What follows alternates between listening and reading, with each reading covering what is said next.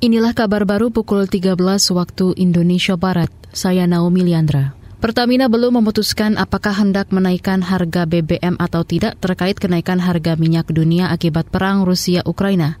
Menurut salah seorang pejabat di Pertamina Patraniaga, Irto Ginting, lonjakan harga minyak dunia saat ini menekan kinerja keuangan korporasinya. Bagaimana? Tentunya itu memberi tekanan kepada kami di Pertamina khususnya khususnya di bagian hilir gitu ya. Di bagian hilir seperti kami di pemasaran. Nah, itu kami jujur itu terkena dampaknya pasti gitu ya. Tapi kami mencoba untuk menjaga tetap stok pasokan eh, BBM maupun LPG agar eh, supply ini bisa berjalan normal sampai ke masyarakat sampai ke pelosok negeri. Salah seorang pejabat di PT Pertamina Patraniaga Irto Ginting menampakkan bukan hanya di bisnis hilir Pertamina saja yang terdampak perang Rusia-Ukraina, tapi juga lonjakan harga minyak dunia memberi tekanan pada pemerintah sebagai pemberi subsidi BBM. Irto mengatakan Pertamina masih memantau pergerakan harga minyak dunia dalam beberapa hari ke depan dan menghitung dampaknya terhadap kondisi keuangan.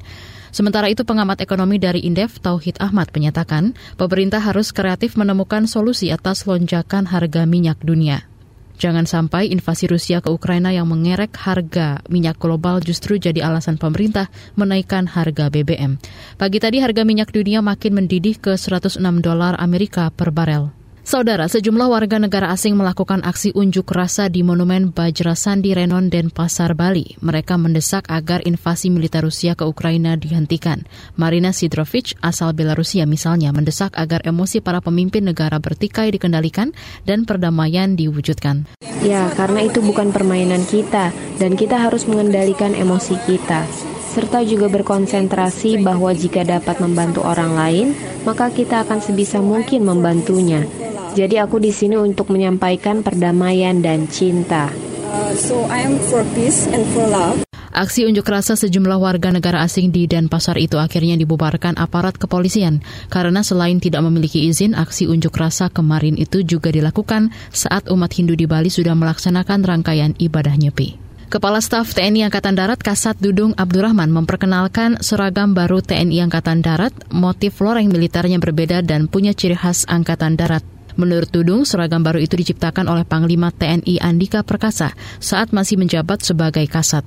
Sesudah itu ada evaluasi dari para asisten dan sedikit penambahan warna.